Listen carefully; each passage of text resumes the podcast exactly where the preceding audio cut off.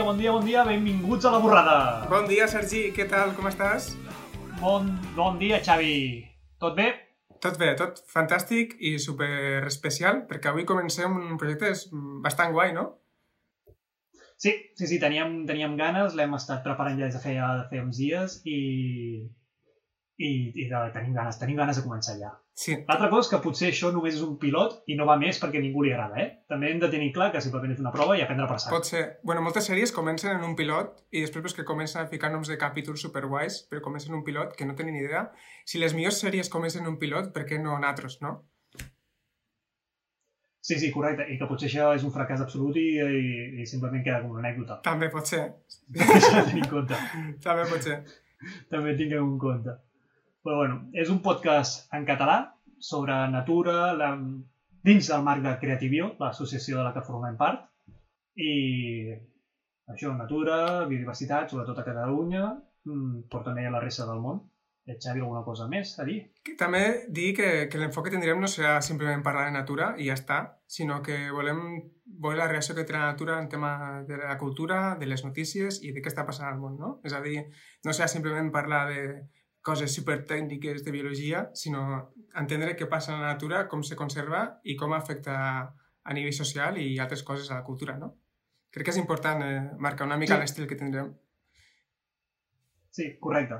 Correcte, una mica que, que volem tocar la natura en tots, el, en tots els, els àmbits, no? I també, pues, ah. el nom també, no? Que, tindre, que ja marca una mica, no, Sergi? Estàvem parlant abans que el nom ja marcava què, què es pot esperar la gent, no? Què es pot esperar aquí de la borrada? Pues es poden esperar borrades. Ja està. I, i sobretot, si, si us sentiu ofesos fàcilment, us avisem de que us podeu sentir ofesos en alguna cosa de les que diguem. Vale? Simplement tingueu, tingueu en compte. Exacte. Vale? No, no és apte per a, per a ofendre editors pues guai, eh, podem començar igual ja en la primera secció, no? Si algú del públic... No, això està gravant offline, o sigui que no hi ha, no hi ha públic. No, estaria, estaria guai que algú... Eh, dic una cosa! Pareu ja! Esta programa és una merda, pareu ja! Sí, exacte. Hem ni començat i ens voleu tirar, tirar pedres, collons. Eh, vale, quina, de què va la primera secció, Sergi? Pues, uh, la primera secció que farem a cada, cada episodi serà un recull de les notícies que hem, que hem trobat més destacades de, de l'últim mes, de les últimes setmanes. I la més destacada que hi ha hagut sobretot aquest, aquest febrer és la prohibició de la caça del llop. Uh, una prohibició que uh, actualment era vigent per sota el riu Duero, però que ara s'ha extès a sobre el riu, a sobre el riu Duero, precisament, uh, on abans es, es permetia caçar com a espècie cinegètica pels problemes que hi havia amb la ramaderia, el, els ovelles, xais, vaques que es podien menjar els llops, que era un gran problema per, per la gent rural de la, de la zona, però que ara, amb la inclusió del llop en el llistat d'espècies de, protegides, s'ha prohibit.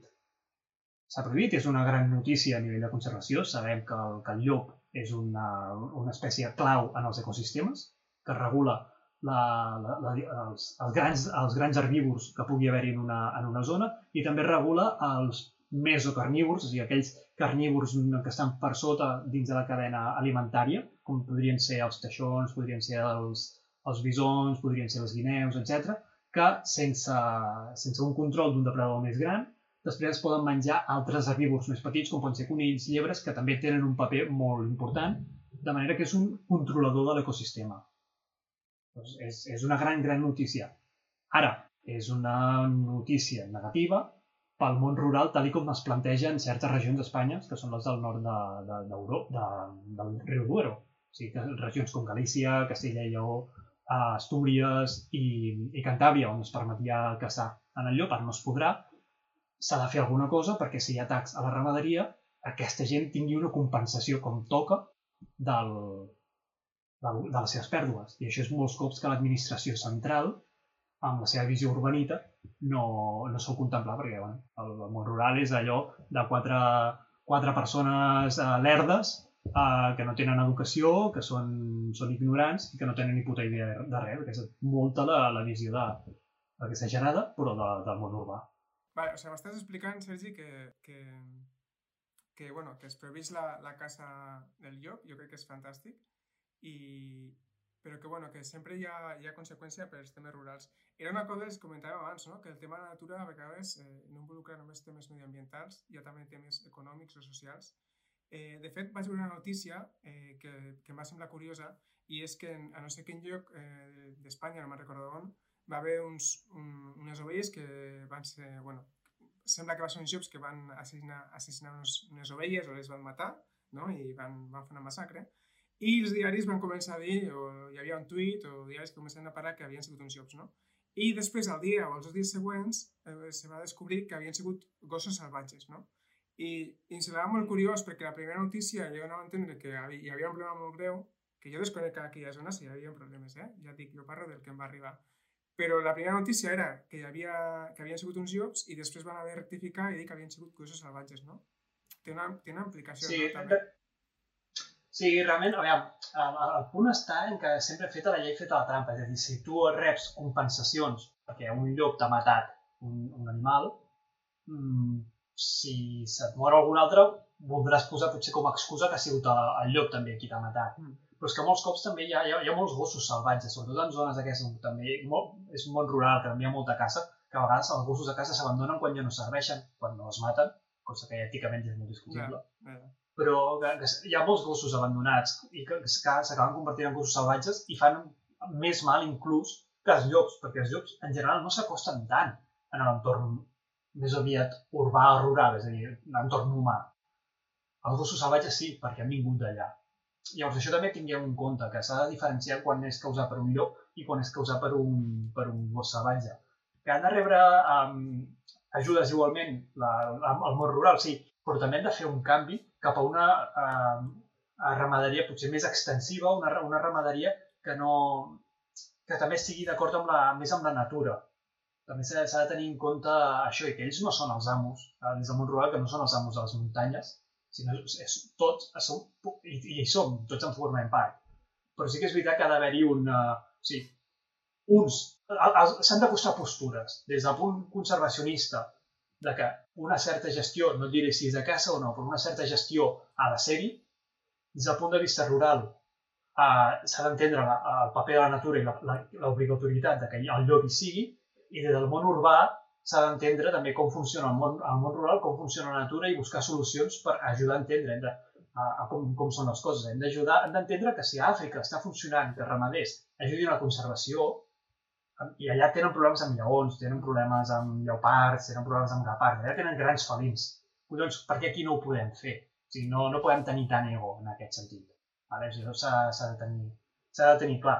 I que és una problemàtica que a la resta d'Europa també existeix amb l'os, bueno, aquí als Pirineus també existeix amb l'os, només cal veure el cas de, de l'os caixú, que realment va ser enverinat i sembla que hi havia un punt de corrupció dins de, de, de, la, de la Val d'Aran, en, en aquest sentit, dins del, de l'entorn de, dels rurals, de, del Consell General de, de la Vall d'Aran, que hi havia una corrupció allà dins i que sembla que algú va voler matar a l'os aquest.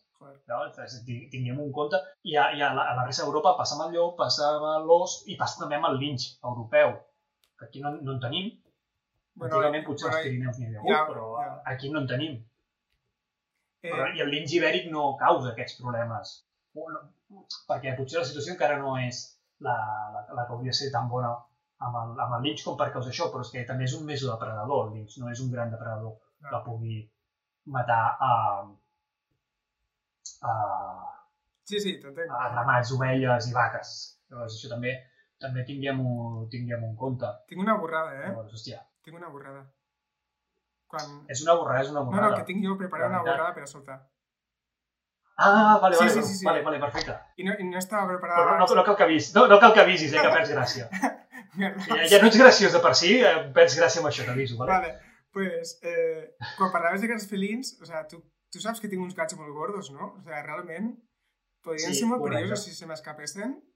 Potser estaríem sortint a les notícies de, del tema de que, clar, eh, aquí, a Àfrica, aquí no hi ha grans felins com a Àfrica, però és que no coneixen el Leo i el Coco, que són gats Mm, potència. Ja està. Eh, és molt dolenta, eh? Vale, tu, tu, tu, tu, tu, tu ets el que vas posar el bulo de que hi havia una pantera negra a Ciutat Real o a un poll fa, fa poc, no? I que era un puto gat gros i ja està. Sí, de fet, uh, fa poc al País Basc, uh, no, va ser una, una cosa una serp. Eh, al País Basc, eh, bueno, ja saps que estic al País Basc, potser la gent que, que veu el programa no, no sap, si veu algú, eh, va haver-hi una, eh, un, un bulo també d'una serp, algo similar. Eh, una noia, no sé si havia sigut a, a, a Irún o, o a Chingudi, bueno, eh, va avisar de que havia vist com una serp de no sé quin país i, i bueno, va estendre el bulo i va ser tipus de la pantera. Pues m'ha fet gràcia.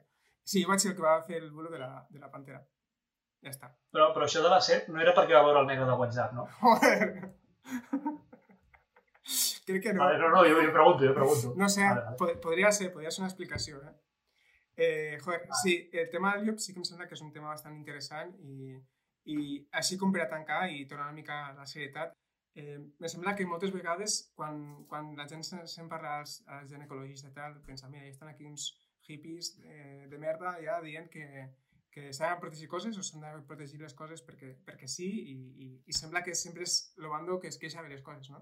Però realment, com dius tu, hi ha, hi ha motius de conservació, hi ha motius de salut ecològica, de mantenir les xarxes tròfiques i, i realment eh, és, un, és una cosa que hem anat perdent perquè aquí eh, sí que és cert que a l'estat espanyol hi ha molts, moltes zones protegides, teòricament, eh, almenys et diria que de xarxa natura, i, però, però sí que no tenim grans, grans, grans depredadors i és perquè durant alguns anys pues, eh, hi ha hagut un, un senyor aquí que, que va començar a matar totes les alimanyes també, no? I, i bueno, és, és un tema interessant. Mm, Bueno, ara està a Abu Dhabi, no crec? Aquest Sí, senyor. crec que sí. Vale, vale, vale, perfecte. Eh, bueno, anem una mica tard Sí. de, de temps, eh, però hi ha, hi ha- ha un tema relacionat, una notícia una mica relacionada amb, amb, amb això, amb aquest món rural i com, com s'entén, que, que és el tema de, bueno, del Delta de l'Ebre, que sempre ha sigut el gran oblidat dins de, dins de Catalunya. Mm, Fem un pinzellada de quina és la problemàtica, Sí, Xavi, que, que eh, tenim actualment a, a Clar, i Delta. senyor d'Amposta tinc que fer jo la pinzellada també, no? Eh, no, vaig ser ahir a la Correcte, notícia, o sigui que, bueno. Jo com a, com, a, com a Girona, de la província privilegiada de Catalunya, i, i més, i, jo som, som la nena bonica, també, també s'ha de dir, em sap greu, és, és així la cosa. Quedaria lleig que jo parlés de- d'això. O sigui, millor que, que, que, que ho parlis tu com a coneixement de, de Exacte. causa. Eh. Eh, bueno, bàsicament vaig llegir una mica la notícia, eh, llegeixo el titular i, eh, i comentem, ¿vale? El titular és una notícia del país.com i diu un mar de falses promeses engull el Delta de l'Ebre. És bastant, bastant poètic, no?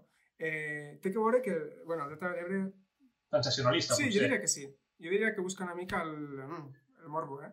eh bueno, la notícia té bastant de, de, de tema polític també, perquè al final és, a vegades hi ha, hi ha temes d'incidència política detrás de certes decisions ambientals, potser, i, i realment no estic ara mateix vivint a la zona com per tindre eh, context de tot el que passa, no? Però bàsicament una de les queixes és que el Delta de l'Ebre és, un, és un espai natural que té una gran rellevància, arriba de la UNESCO, eh, agricultura de, de l'arròs, eh, hi ha poblacions també molt vinculades a l'entorn rural i és un, un espai que s'està perdent, no? A causa del canvi climàtic i, i a causa també del... bueno, hi ha diversos motius, però el principal és canvi climàtic. Puja el nivell de l'aigua, eh, cada vegada arriben menys sediments i hi ha una regressió bastant important.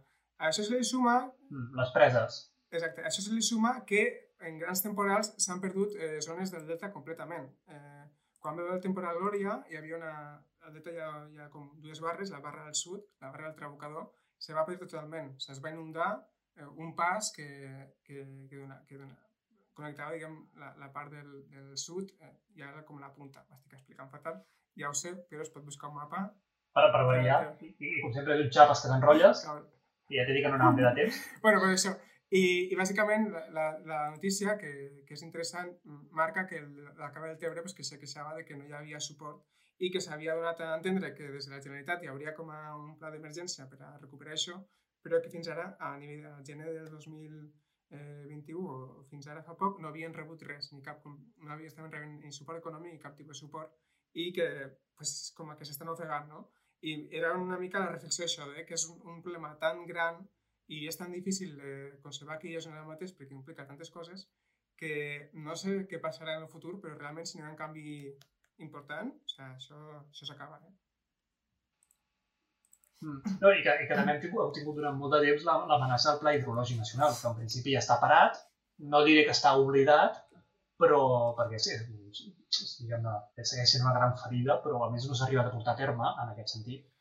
Però sí que és veritat que gran part també dels problemes que té el Delta és la gran quantitat de preses que té el riu Ebre al llarg del seu curs que eviten que arribin suficients eh, sediments en el, en el Delta, que això podrien compensar potser una miqueta les destrosses dels temporals i la pujada del nivell del mar. Possiblement, possiblement. També tingueu Sí, en compte això. Sí, de fet, era, era el que tinc entès que eren com una de les possibles solucions, perquè qualsevol altre tipus de solució seria una solució temporal i, i que arregla, fica un parche no, a la ferida, però allà tens un problema i si no canvies um, un sistema que, que ja per si és deficitari, pues, sempre estarà allà el problema. No? Mm. Sí, això sí. També és veritat que si us expliquéssiu millor i se us entengués, potser us ajudaria. Mira, te vaig dir una cosa i, i, i te caeré la boca. Eh, jo, jo en català últimament m'explico cada vegada pitjor perquè al viure aquí cada vegada faig més comunicació en castellà això, no? Però tinc una capacitat increïble de parlar molt millor quan em fa una entrevista de ràdio que normal. O sigui, normalment la gent se fica nerviosa o, o parla malament. Jo quan faig una entrevista de ràdio, la gent m'es- m'escriu, la meva família m'escriu i em diu hòstia, Javi, però que bé vocalitzades, no? I, I és increïble perquè quan tinc una, això, una entrevista de ràdio o alguna cosa així, és que parlo molt millor que normal. Cabró. Vale, però que sàpigues que això és com un programa de ràdio també, vale? Sí, vale, pues ara És com una vale, entrevista. prenc en prenc en serio i intento vocalitzar millor, vale? Vale, vale, no ho dic perquè potser hem de posar subtítols fins ara. Possiblement, possiblement. Però no siguis trampós perquè vam parlar que potser ficaríem això en castellà i que potser ficàvem subtítols. Per tant, ara ho, fas, ho deixes d'entendre i ara estàs aquí fent aquí la, la trampa, eh? Estàs fent la trampa. Eh, soc molt trampós, ja ho saps. Eh, digo, digo, digo, digo, Diego. Sí. Saps, saps també, així com a punt, que, Que, que li dic que teníem pendent com fer un programa de mitja hora i no sé jo si ho aconseguirem, eh? Bueno, de moment portem, no, no arribem als 20 minuts encara, bueno, 25, aprox. I ens queden dos Vale, seccions. O sigui, anem, bé. anem bé. Així que, així que res, eh, doncs no tenim temps per més notícies, tot i que hi havia dues que també eren bastant interessants. Eh, una era, una, un, la fem així com a, com a titular. Eh, Xavi, era, una era sobre un estudi que, que explicava que la contaminació per combustibles fòssils mata a una de cada cinc persones en zones urbanes. Sí. I després l'altra era que han clonat una espècie eh, eh, amenaçada als Estats Units, una, una fura de potes negres, eh, d'un exemplar que va morir fa 30 anys. I bueno, es comença així i s'acaba amb Jurassic Park. Molt bé. pues la gent que, que no sigui vaga i que mire les xarxes socials de Creativio i que entre al Twitter i al Facebook i que mire les notícies, saps? O sea, que no... Ja està. O sea, no, tio, és, és un clic. Correcte. Correcte, correcte. I res, eh, anem a la següent secció.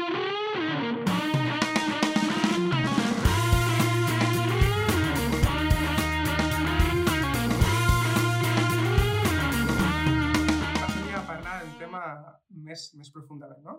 I ara ve la secció dels monogràfics, que és una secció en la que explicarem temes superben explicats i molt divertits que no té cap que veure en res de notícies. Són coses que parlem perquè ens dona la gana, no? Ja està. Te sembla bé la descripció, Sergi?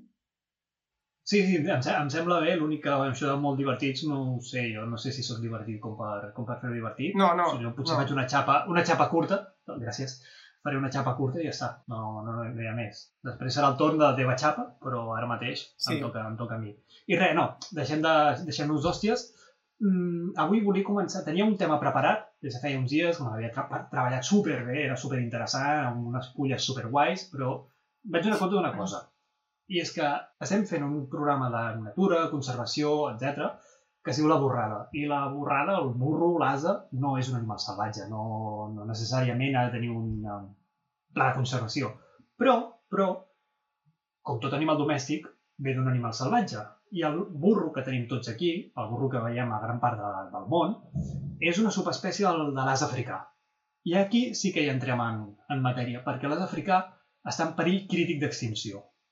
Es calcula que només queden entre uns eh, 23 i uns 200 exemplars madurs, que comptant els, imma, els immadurs serien entre uns 70 i uns 600. Diguem-ne que un, un de cada tres, aprox, és, és madur. Eh? Són, queden, queden molt, molt pocs. Han tinc, es calcula que ha tingut una, una caiguda de, de la distribució de la població d'un 90% en, uh, des dels anys 80. Vale? Uh, L'as africà uh, vivia des del sud-est d'Egipte fins a, fins a Somàlia, vale? és tota la zona de, diguem de la banya d'Àfrica, i ara actualment només es pot trobar segur a Eritrea i al nord-est d'Etiòpia, i pot ser que hi hagi algunes poblacions a Djibouti i a Somàlia. Vale? No m'estic inventant noms de, de països, per, per, perquè Ah, vale, vale. ignorants. Aquests països existeixen, existeixen de veritat. Uh, hi ha dues espècies, subespècies de, de l'as africà, el Ecus africanus africanus, que segurament és el que potser s'ha extingit, perquè és el que en principi queden menys poblacions, i el Ecus africanus somaliensis, vale? que en principi és el que està una miqueta millor, però l'espècie en si està en perill crític. Um, és una espècie de l'alçada com l'asa normal, o sigui, potser màxim 1,50 m el que és la creu, les espatlles, eh, d'un color gris blanc, alguns tenen unes tonalitats lleugerament blavoses, amb la planxa, planxa més blanca i la subespècie somali, uh, somalicus té unes ratlles uh, negres a les potes, una mica com una zebra. Vale? A la crin és, totalment, és curteta i molt, molt erecta, no és com els cavalls que els hi cau, etc. I aquesta espècie és la que es va domesticar fa uns 50, 5.000 anys, perdó, fa uns 5.000 anys, i és la que tenim als ases domèstics de, de tot arreu. Les amenaces principals de, de l'as africà són, eh, sobretot, la competència amb els ramats, per lo que és l'aigua i per la, pels recursos alimentaris que hi ha a la zona, la caça, perquè se'l mengen, i per medicina tradicional. Es veu que allà fan la sopa d'ossos per combatre la tuberculosi, el restrenyiment, el reuma, el mal d'esquena i el mal d'ossos. Hòstia. perquè Serveix per tot. Una Collons. mica més i diuen que també funciona pel coronavirus. Això seria com una aspirina aquí, no? Sí, és el que deien. Eh? Sí, quasi, quasi. O una pseudociència directament. Si si això se n'entera amb vostè, va... es comença a menjar el primer burro que troba pel carrer. que penja, pues. Hòstia, no me, Però bueno, no me l'esperava, esta, eh? gràcies. No dic que sigui bona, Eh, però ho és. Ja, ja ho sé, però t'ha fet gràcia. Sí, fet sí, gràcia, sí, que sí. Amb Va, això ja, ja, ja el conto. Eh, llavors, eh, això. I l'altre gran problema que té la- la- l'as africà és la hibridació amb l'asa domèstic. Mm. Al ser la mateixa espècie es poden hibridar, llavors diguem-ne que es contamina la, genèticament la, la població salvatge. Això, explica-ho bé, perquè aquests són els grans problemes que té... potser hi ha gent, Sí, que, sí, potser hi ha gent que no ho entén. O sigui, teòricament, estem parlant de que és la mateixa espècie que l'ase domèstic i és una variant del, del, de l'ase domèstic, no? És una, sub, és una subespècie. Vale. És l'Ecus africanus asinus. Imagi Però és una subespècie que... Sí, Imagina que sos gilipollas y no sé lo que es una subespecie. ¿Cómo lo explicarías? ja, ja, ja, ja crec que ets gilipolles, però vale, t'ho explico igualment. Va, avui t'estic fotent una canya... Esta te la molt en, en bandeja, eh? Això és quasi una alley-hoop, eh? Sí, és Això és quasi una alley-hoop, eh? Sí, sí, de, de, de, que me'l podies fer d'esquena, que bé. Eh, vale, una, una, una subespècie és quan dins d'una espècie hi ha poblacions suficientment diferenciades com perquè es poden um, reproduir entre elles, però tenen una variabilitat i unes característiques, a vegades inclús morfològiques, suficientment diferents com per demostrar que són dues poblacions. Solen estar també diferenciades en, en espai, en llocs diferents.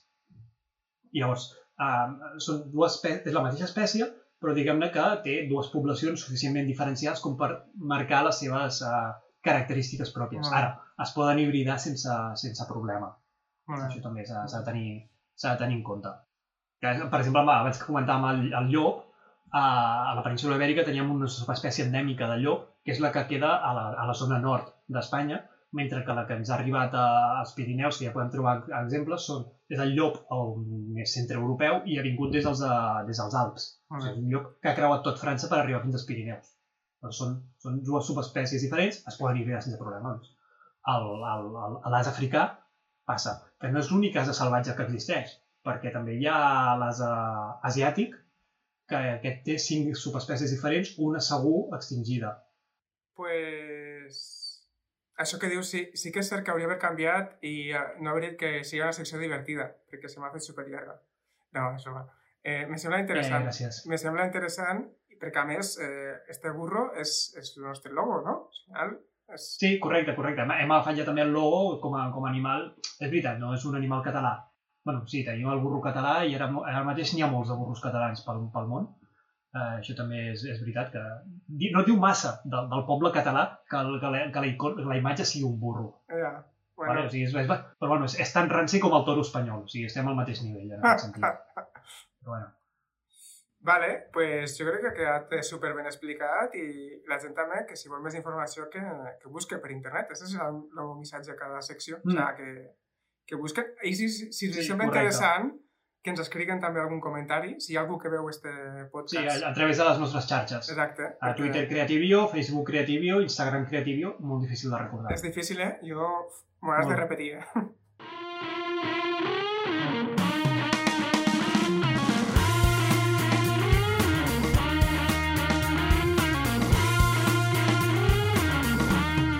que comencem ja l'última secció, ara li toca a en Xavi fer la, fer la xapa, si us plau no us adormiu, vale? us ho agrairem. I si us adormiu, aviseu-nos i llavors ah, intentarem fer el to, el programa amb un to molt pausat per ajudar-vos també a dormir, igual que ha fet amb Buenafuente amb la seva llista d'animals per dormir. Vale? Treballarem una mica d'aquesta manera. Però, com que aquesta no és la idea, intentarem que en Xavi no us faci dormir i utilitzarem un to una miqueta, una miqueta més divertit. Jo no... I en Xavi crec que té algun tema friki, no? Per, sí. per parlar-nos avui, per, per barrejar la natura amb, amb, amb algun altre aspecte. Sí. Punt 1, eh? eh? Jo no hauria comentat res de Buenafuente en el nostre programa perquè la gent dirà, ah, però mira, ah, hi ha gent que fa un podcast superguai i nostre i dirà, mm, com a... Bueno, sutil. Ojo, jo no he dit que sigui un podcast, jo simplement he dit que Buenafuente ha fet una llista a YouTube que et dona noms d'animals per poder-te dormir. Vale, vale, vale. Però si t'ho perdono, vale. t'ho perdono. Vale? Perdonat. Estàs vale. perdonat. No he, no, no he fet apologia de cap altre programa que ens pugui fer una competència que sabem que estan al mateix nivell. Perdona, no. me deixes començar la meva secció, perfa? Gràcies. Sí. bueno, eh, sí, porto un tema friki. De fet, si potser hi ha gent que ja s'haurà fixat en les plantes que tinc aquí, que són Pokémon, eh, són un Bulbasaur mm. i un Odish, i volia relacionar el tema de natura i o, biologia en Pokémon. I de Sergi, uau, pots relacionar això? Pregunta-ho. Sí, sí, pots relacionar un joc on a un nen se li dona una mascota perquè viatgi al món i comenci a lluitar amb altres animals i els capturi? Sí, sí, sí, perquè... Amb la natura? Molt, molt, molt, molt ecològic i molt, molt ètic, eh? Puc explicar, i tinc tres coses per explicar, o sigui, que no una, tres, tres ah, coses per explicar. Vale, vale. Ho tinc super preparat, eh? O sigui, porto eh, 80 hores, no, però, però sí, m'he preparat, sí. Eh, bueno, per a, resum per a Pokémon, per a gent que, no sé, hagués, hagués estat congelada i s'hagués despertat ara i no sàpiga que va haver als 90 un fenomen mundial que tots els crios estaven, estaven superenganxats. Els tazos, dels Walt jocs... Disney ha tornat? Què? Walt Disney ha tornat? No, podria passar, ah, vale. podria passar. Està en, està en modo de frost del microones. Està... Bueno, eh, està igual... Wow! No, no, no m'esperava no, aquesta. No, jo tampoc. I jo, conforme anava dient, estava pensant stop, stop here, stop... Bueno, eh... Segueix, segueix. No, no, no barranquis, no barranquis. Sigue, sigue. Bueno, eh... bueno a mi m'enganxa molt fort quan, quan, quan era un crio i vaig jugar molt a Pokémon, mm, al joc, dos. a la sèrie, als tazos, als cromos, tot. Continuo jugant a dia d'ara, perquè continuo sent friki. Tinc vida, però sóc friki. I eh, volia parlar de tres coses molt interessants. Primer, l'origen del Pokémon. Com va sortir això de Pokémon? Eh, quan van crear els jocs, un dels eh, creadors, que era Junichi Masuda, no sé si ho estic dient bé perquè no soc japonès, però es diu així, un dels... Eh... No ho haguessin mai. Què? Que no ho haguessin mai, que no era japonès. No, mira, bueno, eh, Estic... Hòstia, no, no, vigila, no, vigila, vigila aquí. No, vigila. És que no... Per qui només ens estigui escoltant, en Xavi estava a punt de fer un, un gest molt racista. Vale. Eh, jo no sóc racista, i no diré no sóc racista, però perquè la gent que diu això és molt més racista.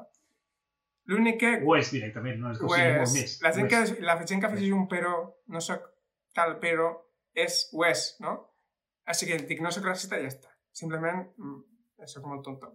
Eh, I a més ahir, quan estava preparant el guió, pensava, uau, diré això, això i això, i m'ho estava preparant i no vaig pensar, ei, que parles en Sergi, cuidao, que el temps que estàs calculant igual no és el temps que et sortirà. Però, tanco, tanco parèntesis, eh, Orígens, però resulta que, el, que un dels directors del joc era superfan de col·leccionar insectes, ¿vale? que és una cosa que aquí no es porta, però m'ha sonat molt curiós. Ell col·leccionava insectes i va voler traslladar esta, esta, esta activitat, que és col·leccionar insectes, catalogar-los, tindre'ls a casa, i això, en la sèrie, en el tema de Pokémon. De fet, Pokémon va ser un joc molt, molt pioner perquè, clar, normalment quan ten, portes un joc tens com a X protagonistes, 3, 4, 5, 6, però al Pokémon podies capturar el primer 151 Pokémon i això et donava una capacitat entre una quantitat de protagonistes per a lluitar brutal, no? I això es reflexa de, de l'afició que tenia el, el Junichi Masuda al col·leccionar insectes. Aquí sona molt estrany, però sembla que al Japó, per el que he llegit, és com a més, és com a més habitual, o no és tan, tan nerd, diguem. No, no és tan raro, com, almenys potser a Europa en general, el, el, el concepte del naturalista que sempre col·leccionava fòssils i col·leccionava mm, insectes eh, o, o el que captura papallones. No és tan tan raro, eh? Aquí ja, potser no tant, vale. Potser, també nosaltres venim de la, de la carrera de Biologia i per nosaltres és normal, jo què sé, sortir a veure ocells i, i flipar perquè has vist no sé quants ocells, no sé quines espècies, i el divertit que és catalogar-los, veure què estan fent i, i quan més coneixes més t'agrada, no? Jo crec que aquí hi ha una mica l'addicció, el toc que té, que aquest joc. I em sembla interessant parlar dels orígens, però després també volia parlar del tema de l'evolució, que em sembla molt interessant. Eh, una cosa que em va ensenyar molt de, de Pokémon, a diferència de Digimon, que era més o menys coetani, era que de Digimon, els Digimon evolucionaven i tornaven a l'estat basal, ¿vale? i el Pokémon no. El Pokémon evolucionaven i aconseguien pues, se feien unes criatures més fortes, canviaven una mica el físic. Normalment el seu disseny era molt similar a l'anterior, però afegia coses per a mostrar-se com a més, més fort i més robust, normalment. I, I era interessant. I volia parlar del tema de l'evolució, perquè em semblava molt interessant. Clar, no tens l'evolució com un procés continu, no? Un procés que va passant, tu tens unes pressions al, al teu medi ambient, pot ser una pressió sexual per a, no sé, una pressió per a reproduir-te més, per exemple, per a ser més interessant al sexe contrari, Eh, pot ser una pressió ambiental, tens un, una limitació de recursos o estàs competint amb una altra espècie. I això Pokémon ho, reflecteix perquè quan una espècie evoluciona, i les espècies, diguem una mica el que parlaves al principi, espècies, subespècies, les espècies són úniques, quan una Pokémon evoluciona eh, no pot tirar endarrere, no? Perquè se suposa que la forma en la que ha evolucionat està més adaptada i és més competent per al mèdic, en aquest cas és fer lluites i ja està, però eh, és interessant també, no? I això em porta a un tercer punt. No sé si vols afegir alguna cosa, perquè ara estic donant jo la xapa, eh? No, no, que, que, jo crec que amb el temps Pokémon també ha volgut allunyar-se una mica aquesta visió més de caça, captura, lluita i ha donat eh, històries, eh, rerefons a cada animal, a cada Pokémon, eh, de llocs on viu, de quina és la, la seva funció ecosistèmica, de quines relacions tròfiques o d'alimentació hi ha entre ells. També han sortit Pokémon Rangers, no? que era més de protegir els Pokémon, de protegir una, un lloc que no pas a jugar amb, aquesta, amb aquest format de captura. O sigui, que en aquest sentit, diguem-ne que sí que he trobat una vessant més científica sostenible, però no deixa de ser que la seva base és la pura lluita Exacte. i exploració. Exacte. Sí, és, és, és curiós, no?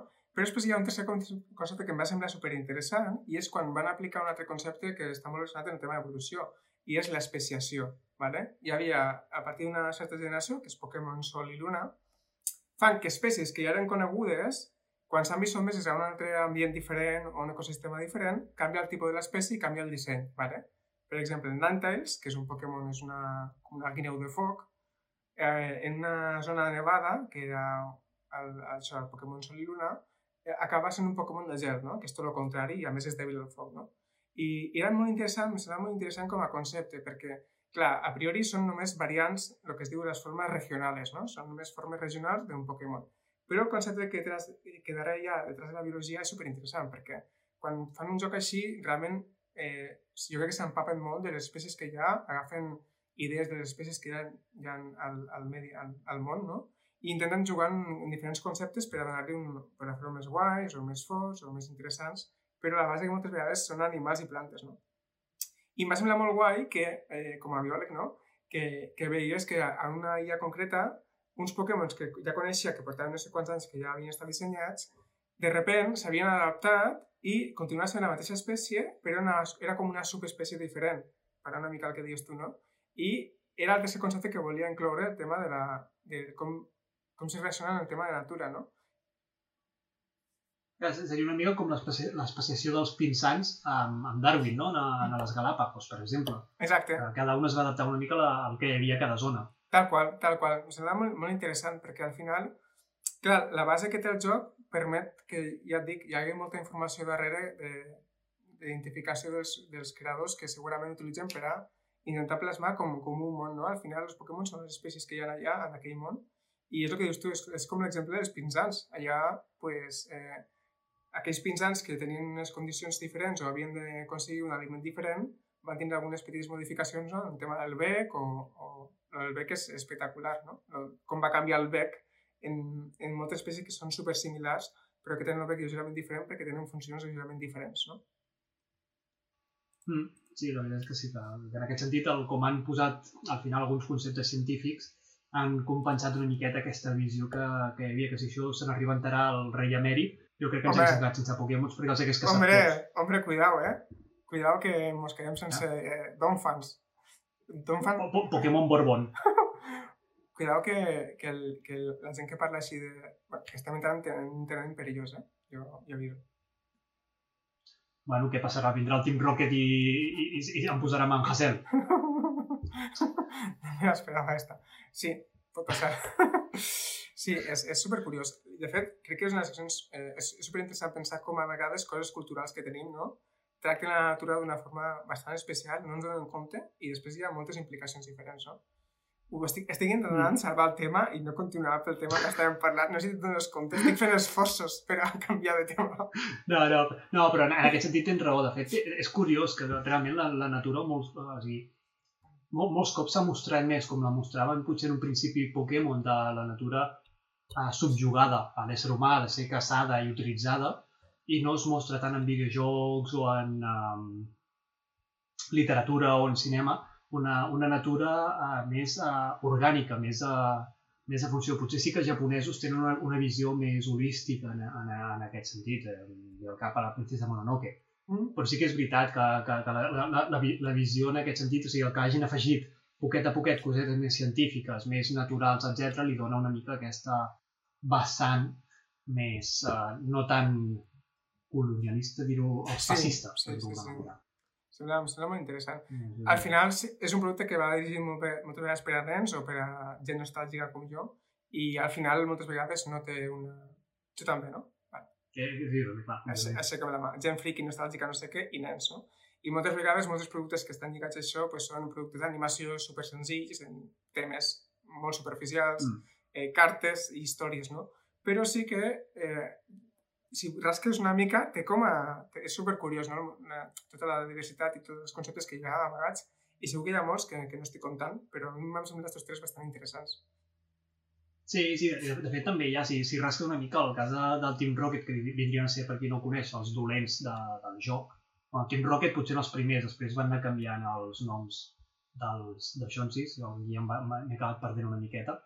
Eh, però sí que treballava, o sigui, era gent que traficava amb els animals, era lluita pura i dura per lluitar, que eh, suposadament el personatge bo era el, volia el millor pels, pels Pokémons, però també lluitava, però no era per, uh, diguem-ne, No era, usos no era- clandestins, sí. per dir-ho manera. jo crec que teòricament se venia com que no era a costa de la Era voluntat. per, per ego, pu, Sí. no, era per ego, bàsicament, perquè Sí. volia ser el millor entrenador del món. Clar, eh, com a...